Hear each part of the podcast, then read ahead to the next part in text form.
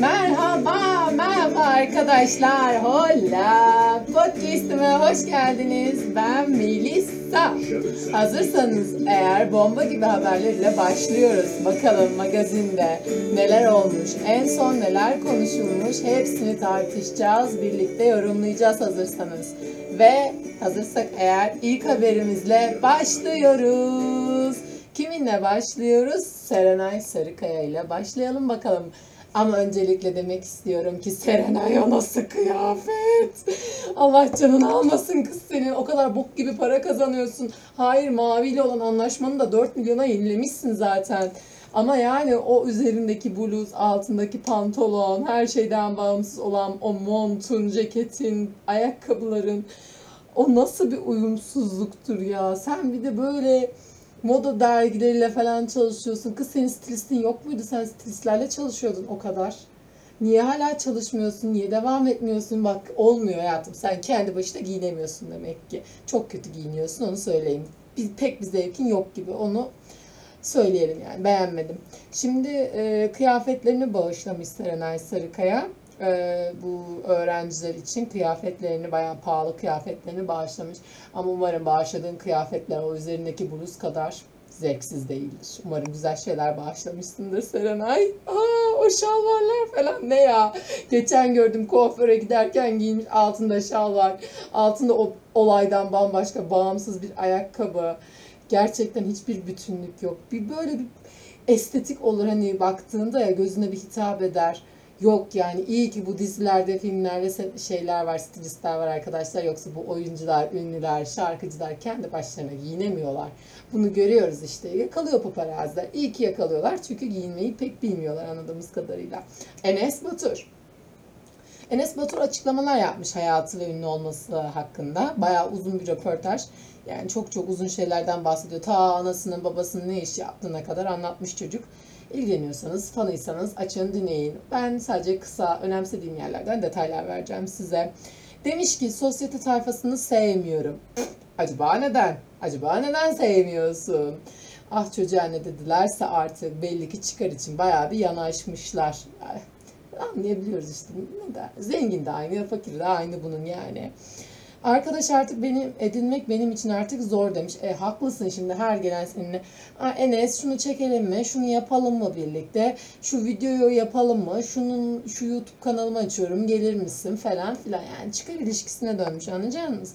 E, çocuk da haklı bu saatten sonra evet cidden de arkadaş edinmesi zor olsa gerek. Ama bir de şöyle bir şey var. Ben şununla da ilgili bir şey söylemek istiyorum. Bu e, bu aralar bu YouTuber'lara e, influencerlara çok sallayan eski bir tayfa var tamam mı? Bunlar eski bir tayfa demek istiyorum. Eski şarkıcılar böyle artık silinmiş, konuşulmayan, ünlü olmak, konuşulmak için ellerinden gelen her şeyi yapan, yeni jenerasyona sallayan bir kesim var biliyoruz ki. Bunlar yine çıkıp çıkıp diyorlar ki YouTuber'lar ölecek, şöyle gidecekler, böyle bitecek mi meslekler. Hani uyum sağlamak istemiyorlar ya artık sağlayamıyorlar. E, o yüzden en kolayı onlar için ne olabilir sizce de? Tabii ki bok atmak. Onlar da doğal olarak bok atıyorlar. Enes'e de çok bok, atıyorlar. Danla'ya da çok bok atıyorlar. Herkese atıyorlar yani. Neden? Çünkü onlar için uyum sağlamak çok zor. Zaman değişti, jenerasyon değişti. Bunun farkındalar ve bunu yakalayamıyorlar. Çünkü yakalamak için de çok yaşlılar herhalde. Yani ruhsal olarak yaşlılar, fiziksel olarak da kastetmiyorum sadece. Bedensel okey. Ama mental olarak da yaşlılar. Çünkü neden? Bunlar bir çaba istiyor, emek istiyor, üretim istiyor, fikir istiyor, yaratıcılık istiyor ve artık bu onlarda yok demek. O yüzden eleştiriyorlar sadece ama boş eleştiriyorlar. Hani insanlara katkıları olan şeyler. Evet YouTube bitecek bir gün. Bir 5 yıl sonra YouTube olmayacak, podcast olmayacak, benim TikTok olmayacak, Instagram olmayacak ama başka bir şey olacak. Bu böyle. O zaman gelince biz onlara uyum sağlamak zorunda kalacağız. Bizden sonra gelen jenerasyon bizden tabii ki daha farklı olacak. Bu her zaman böyleydi ve böyle olmaya devam edecek. Ama buna uyum sağladığın sürece varsındır sen. Buna uyum sağlamayı bırakırsan insanlar da seni bırakır doğal olarak. Yani niye konuşayım ben senin arkadaşım? Niye konuşayım? Ne yapıyorsun? Ne üretiyorsun bana? Ne o çocuk üretiyor ama. Bakın ben Enes Batur'u mesela takip etmiyorum ve sevmiyorum. Videoları bana hitap etmiyor. Yani hoşlanmıyorum. Ama çocuğun gerçek bir başarısı var ortada. Bu alkışlanacak, hak edilen bir başarı. Yani bakıyorsunuz çocuğun milyonlarca takipçisi var ki bugüne kadar bu kadar dinlenme alamayan şarkıcılar falan vardı bakacak olursak. Ama bu çocuğun takipçisi var, izlenmesi var, e, ne bileyim fanları var. Bu bir büyük başarı. Oturduğu yerden yapmış bunu. Kim ne derse desin. Evet oturduğu yerden yapmış? Yapmış. Kolay da yapmış. Ama siz de yapsaydınız arkadaşım. O zaman boş boş oturmasaydınız. Siz de yapsaydınız. Aa sonra bok atması tabii ki kolayınıza geliyor değil mi?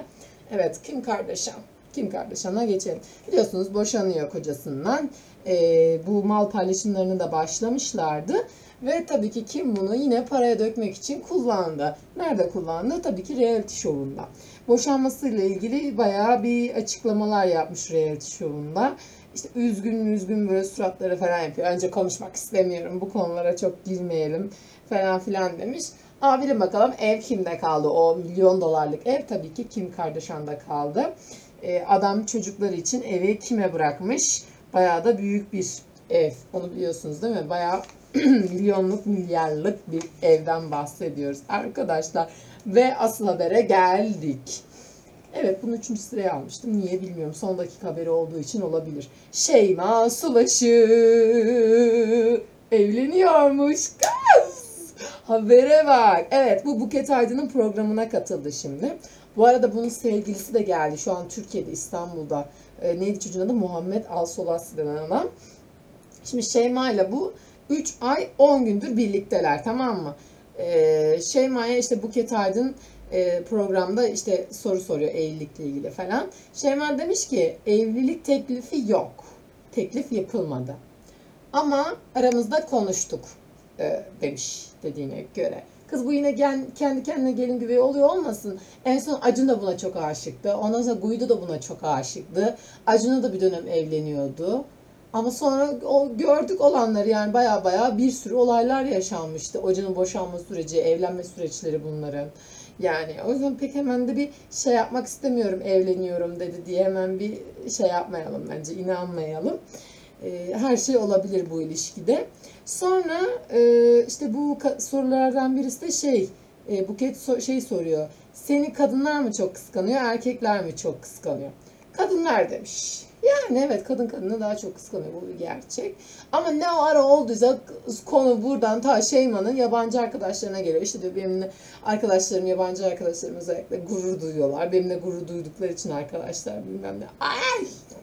Ay tabii seninle arkadaş olurlar diyeceğim. Şimdi Türkçe bilmiyorlar. Açıp da Türkçe kaynakları bir okusalar bakalım senin hakkında ne kadar ne kadar ne, ne haberler yapılmışlar. Hala öyle düşünecekler mi? Tabii bilmiyorlar her şeyden bir haberler değil mi? Orada kendini daha farklı tanıtıyorsun herhalde. Bu arada Melisa yani Şeyma'nın kızı da bu ilişkiye onay vermiş anladığım kadarıyla öyle söylüyor. Ve e, sevgilisini ailesiyle de tanıştırmış Şeyma bu İstanbul'a geldiğinde. Ama benim asıl sorum şu. Oğlan Şeyma'yı ailesiyle tanıştırdı mı? Tanıştıracak mı? Yani öyle bir muhabbet var mı? Şimdi Şeyma tanıştırdı okey. Ama Şeyma istenmeyen gelin olabilir mi? Ne olacak orayı bilmiyoruz. Tabii başka oradan sorular şeye geliyor. Bu paylaşmış diye bir tişört. E, I'm all yours. Ondan sonra sevgilimin malıyım. Bilmem ne. E, yine Buket Aydın onu soruyor. Hani bilerek mi yaptım böyle bir şey yoksa bilmeden mi oldu diye. O da ya demiş bilerek yaptım. Ben demiş hala da programda tekrarlıyor. Sevgilimin malıyım, sevgilimin malıyım. Yani sen öyle söylüyorsan biz sana daha ne diyelim arkadaşım. Zaten sen açık açık e, ne olduğunu söylemişsin. Bize de pek bir laf düşmüyor. Şimdi bu saatten sonra buraya ben ne eklesem e, şey olur yani gereksiz olur. Sen kısa, net, özet bir şekilde kendini açıklamışsın Şeyma. E, Acun'un da demiş ki bu e, evlenme olayını biliyor demiş. Aa, kız Şeyma evlenirse nafaka gidecek o zaman. Bu 120 bin lira nafaka alıyordu ya Acun'dan e, tazminat şeyi e, fakirlik nafakası mı diyorlar ne bir şey diyorlar onun adı var da ondan nafaka alıyor işte 120 bin lira e, o gidecek o zaman ha, o zaman başka bir şeylerin peşinde de olabilir sonuçta çocuk milyarder milyoner milyarder Acun'dan gelecek 120 bin liraya niye tamah etsin? Belki de Şeyman daha başka planları var. Belki belli mi olur? Çocuk daha gider bir çocuk daha yapar adamdan. Ondan alacağı nafaka tabii ki daha fazla olabilir. Bakarsınız 120 bin dolar nafaka falan alır herhalde. Yani sonuçta sevgilimin malıyım demiş. Çok da bir şey beklemeyelim bu e, kadından diyorum. E, kendinize örnek alırken ona göre alın. Ve kıskanmayın Şeyma'yı anladınız mı? Kıskanmayın şu kızı artık. Onun hayatı mükemmel ve sizin hayatınız mükemmel değil. Anlıyor musunuz? Bu dünyada aşkı yaşamayı bilen, sevgiyi bilen, bir pozitif ol diye diye beynimizin etini yiyen ve her şeye pozitif bakabilen tek kişi Şeyma. Anlıyor musunuz? Şeyma Subaşı'dan başka kimse bunu yapamıyor. Biz yapamıyoruz. Bizler bu dünyaya Şeyma'yı izlemeye gelmişiz. O bir pozitif olacak, melek olacak, angel. Çünkü evli bir adamla birlikte olmamıştı kendisi. Ee, o bir angel o yüzden. Onu hiç şey yapmıyoruz. O, onlar silindi tamam mı? Görmüyoruz onları. Ama biz nefret kusan kişileriz. Biz ondan nefret eden, biz bu dünyada sevgini bilmeyen o tayfayız. Hepimiz Şeyma'yı kıskanıyoruz. Neden? Çünkü sonra sosyal medyasında Instagram hesabından açıklama yapmış. Ee, yine şeyler demiş işte e, içiniz fesat. E, ondan sonra niye böyle yapıyorsunuz? Niyetinizin kötü ol, ne olduğu belli. Hepiniz beni kıskanıyorsunuz. Umarım işte inşallah siz de böyle ilişkiler bulabilirsiniz falan filan. İnşallah canım o kadar zenginliği bulabilirsek biz de öyle bir pozitif falan deriz. Ne diyelim? Oğlana kahve bile yapmış Türk kahvesi. Ay onu da becerememiş. Tabii şey yapmadı. Herhalde kendi yaptı. Aşçısı falan yapmadı. Ya da danışmanı. Ay ya yakında bunlarla ilgili bir sürü haber çıkar. Bu arada nikahı da sanırım bu yıl sonuna kadar yapmayı planlıyorlarmış. Yani öyle bir süreçleri varmış. Tabii olur mu olmaz mı artık olursa nasıl olur orasını göreceğiz. Benim asıl merak ettiğim konu çocuğun ailesini Şeyma ile ilgili düşünceleri. Acaba Şeyma yine istenmeyen gelin mi olacak? Çok merak ediyorum. Diyerek kiminle devam edelim? Merve Bolu. Ay bu kızın psikolojisi gitti gitti yerlerde. Vallahi bak bu kız iyi değil. O kadar bir de YouTube'da, YouTube'da programlar yapıyor. İnsanlara, kadınlara, erkeklere bu ilişkiler hakkında bilgi falan veriyor da bunun hiç iyi değil bence. Şimdi bu Serenay Sarıkaya'yı kıskanmış. Bu Serenay Maldivlere bedava tatile gitmişti yani. Otel bunu tanıtım için e, bedava tatil ayarlamıştı. Hani gelin kalın e, post paylaşın tatilinizi yapın dönün. Merve de bu, bu, bunun üzerine e, Çanakkale'deki, Bodrum'daki, belki de bir sürü yerdeki başka bilmediğim otellere tek tek mesaj atmış. İşte ünlülüğünü ve sosyal medya platformunu kullanmaya çalışmış. Hani paylaşırım, yap paylaşım yaparım, e, size etiketlerim, bedava tatil yapayım gibisinden. Sonuçta 3 milyon tane takipçisi var ama yeterli değil sanırım. Bu tatil yapmak istediği yerler için 3 milyon takipçi biraz az olsa gerek. Yani 20 milyon var, 15 milyon var. Şimdi Serenay'ın takipçisi de bayağı var. 3 milyon yanında hiçbir şey kalıyor ve tabii ki bu oteller Merve'ye olumlu dönüş yapmamış. Bir düşün, düşünecek olursak Merve'nin şu son zamanlardaki psikolojisi, e, sosyal konumu, iş hayatı çok kötü. İlişki hayatı da çok kötü. Ve evinin kirasını da ödeyemediği için zaten ailesinin yanına taşınmış. E, bedava tatiller falan. Bunu Merveciğim yani sen biraz popülerliğini kaybet. Hayatım sen git bir önce psikolojik tedavi al bence. O psikolojik tedaviden sonra otur bir menajerinle konuş. Ne yapabiliyorsunuz, ne edebiliyorsunuz, nasıl projeler var senin için uygun. Artık kendine göre doğru bir projede mi yer alıyorsun, ne yapıyorsan yap. YouTube, YouTube sana yaramadı. Aşkım benim. Sen yapamıyorsun. Yani senin özel hayatın zaten boktan. Sen de çıkıp kadın erkek ilişkileri hakkında insanlara fikir vermeye çalışıyorsun ya. insanlar buna işte şey yapıyor, gülüyor. Seni ciddiye almıyorlar. Bir de böyle tutup tutup otellere mesaj atıyorsun falan. Yani hayatım senin bir reputation'ın var tamam mı? Senin bir ünün var, bir ismin var. Niye onu zedeliyorsun? Hoş zedelendi artık ün mü kaldı, isim mi kaldı? Sen de haklısın bebe. Kim benim? Evet, John Legend. John Legend ve karısıyla devam ediyoruz. Bunların cinsel hayatıyla devam ediyoruz. Konuyu öyle söyleyeyim. Şimdi bunun e, karısı e, John Legend'ın neymiş ismi? Chrissy Teigen. Chrissy Teigen. Chrissy. Chrissy böyle mi okunuyor? Bir programda cinsel hayatlarına dair açıklamalarda bulunuyor. İşte adam işte e, programdaki sunucu soruyor. Şimdiye kadar ilişkiye girdiğiniz en ilginç yer neresiydi?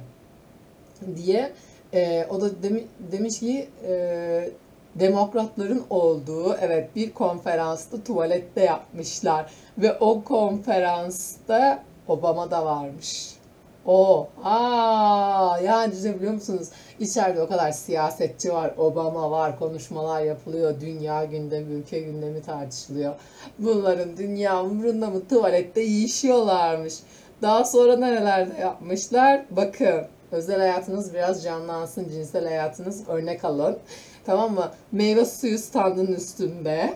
Ondan sonra bir sürü giyim mağazasında Kız millette cinsel hayat var yemin ederim. Aa, yememişler, içmemişler, ne oluyor dememişler. Konferans salonlarında, meyve suyu standlarında. Helal olsun vallahi. Ne cinsel hayat var diyelim. Demet Akalın'la devam edelim. Evet şimdi konumuz Demet Akalın'dan daha çok kızıyla ilgili. Şimdi küçük kızı Hira. Ee, online derse giriyor. Her zaman işte bu ara popüler biliyorsunuz. Ee, online derse giriyor. Oradan TikTok açıp izliyor. Yani aile, ailesi işte eline bilgisayarı veriyor. Engellemiyor. Sanıyorlar ki çocuk dersi yapıyor. Evet yıl 2021. Gerçekten de öyledir. Tabii sonra TikTok açıp izliyor. Orada beğendi, takip ettiği bir kızı var. Bu TikTok'ta da yeni bir uygulama varmış. Beğendiğiniz birine atıyorum çiçek gönderiyorsunuz. O aslında oradaki nesne oluyor. Siz o çiçek gönderdiğinizde o kişiye destek olup para göndermiş oluyormuşsunuz. Ben TikTok kullanmadım ama böyle böyleymiş. Ve e, kız 7000 TL göndermiş Hira. Bu kıza 7000 7000 TL göndermiş. Yani bu kızda kartın ne işi var bir kere? Sorulacak çok soru vardı işte. Sonra Demet Akalın'ın Instagram'ına açıklama yapıyor. Vay efendim kızımı dolandırdılar bilmem ne bu fenomenlere dava açalım. Bunların Instagram hesapları kapansın bilmem ne yapasın. Apple'ı arıyorlar. Apple'a şikayet etmeye çalışıyorlar. Apple diyor ki benimle bir alakası yok. O bir application uygulama. TikTok e, ile TikTok ile iletişime geçeceksiniz. O şekilde oluyor. Ama peki burada e, yani kime ne diyeyim ki? Sonra işte e, Demet çıkmış demiş ki bu kıza e, TikTok'taki fenomene e, hırsız hırsızlık yaptılar, çaldılar küçük kızımın duygularıyla oynadılar falan demiş. Sonra bu fenomen de çıkıyor açıklama yapıyor. Diyor ki biz kimsenin parasını çalmadık. E, kimseye zorla bir şey gönderttirmedik. E, kendisi gönderdi. Eğer bu kadar sorun olursa ben o 7 bin lirayı iade ederim. Tabi sonra Demet ne yapıyor? Davalar mavalar açıyor e, bu kıza. Tabi TikTokçular da ayaklandı. Böyle onlar da bu fırsattan istifade daha fazla konuşalım, konuşulalım. Bu Demet Akalın sonuçta ne olursa olsun popüler bir isim. Onun ününden, şöhretinden faydalanalım diye bunu TikTok'ta bir şarkıya bir şeye çevirmişler. Böyle onu söyleyip söyleyip dans edip dans edip duruyorlar. Peki ama burada şunu sormak istiyorum. Gerçekten suçlu kim? Yani TikTok yapan kişi mi? O fenomen mi? Hira mı? Değil. Tek kişi ailesi. Ebeveynler. Bir, o e, kredi kartının o çocukta ne işi var? O yaştaki bir çocukta.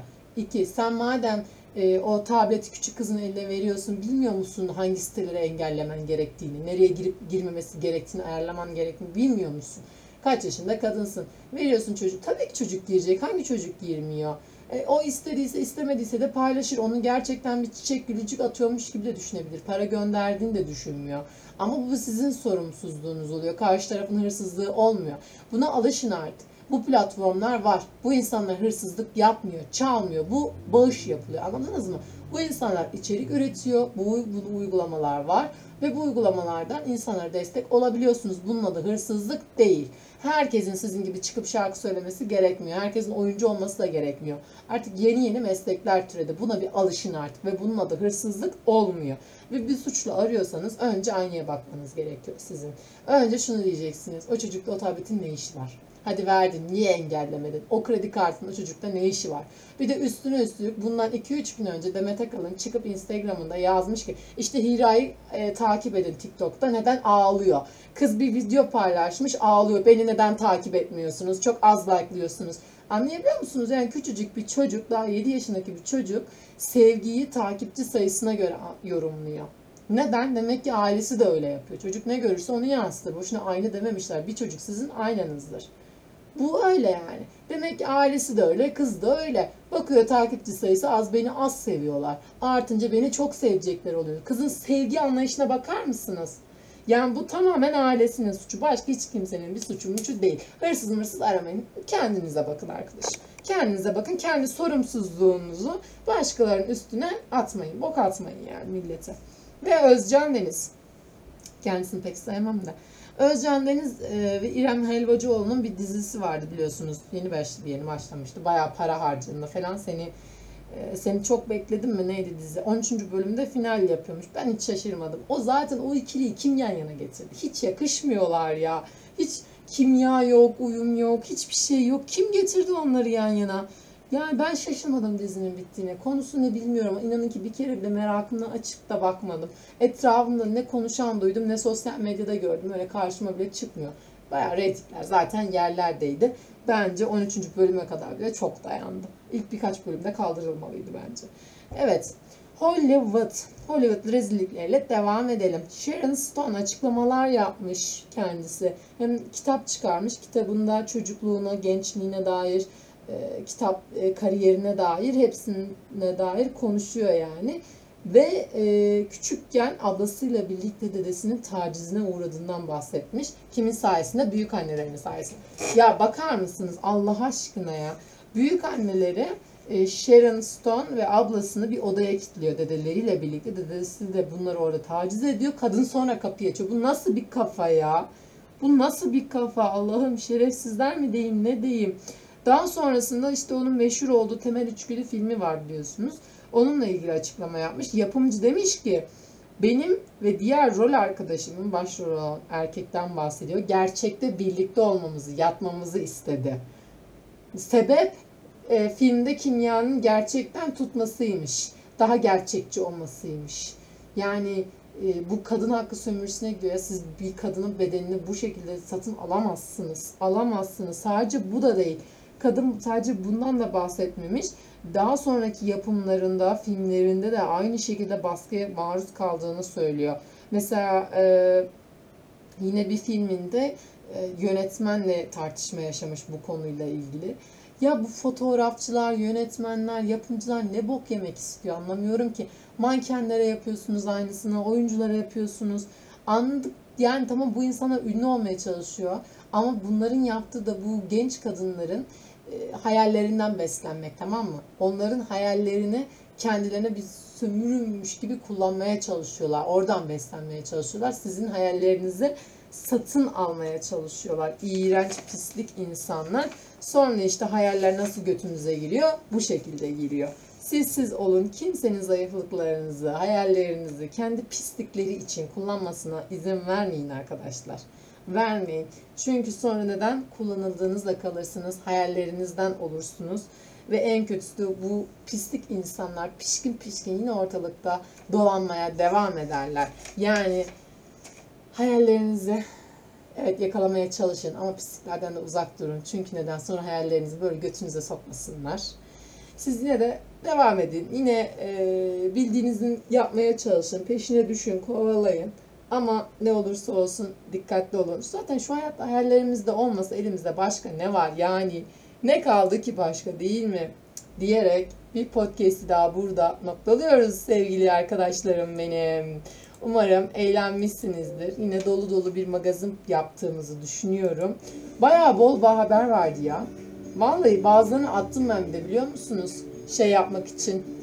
Aa dedim bunlar gereksiz. Bunları konuşmaya bile gerek yok dedim ama çoğunu attım. Ee, benim için önemli gördüklerimi paylaştım sizlerle. Umarım beğenmişsinizdir. Sizleri çok öpüyorum. Kendinize iyi bakın. Hoşçakalın. Biz daha sonraki podcastlerimde görüşmek üzere. Sizleri çok öpüyorum.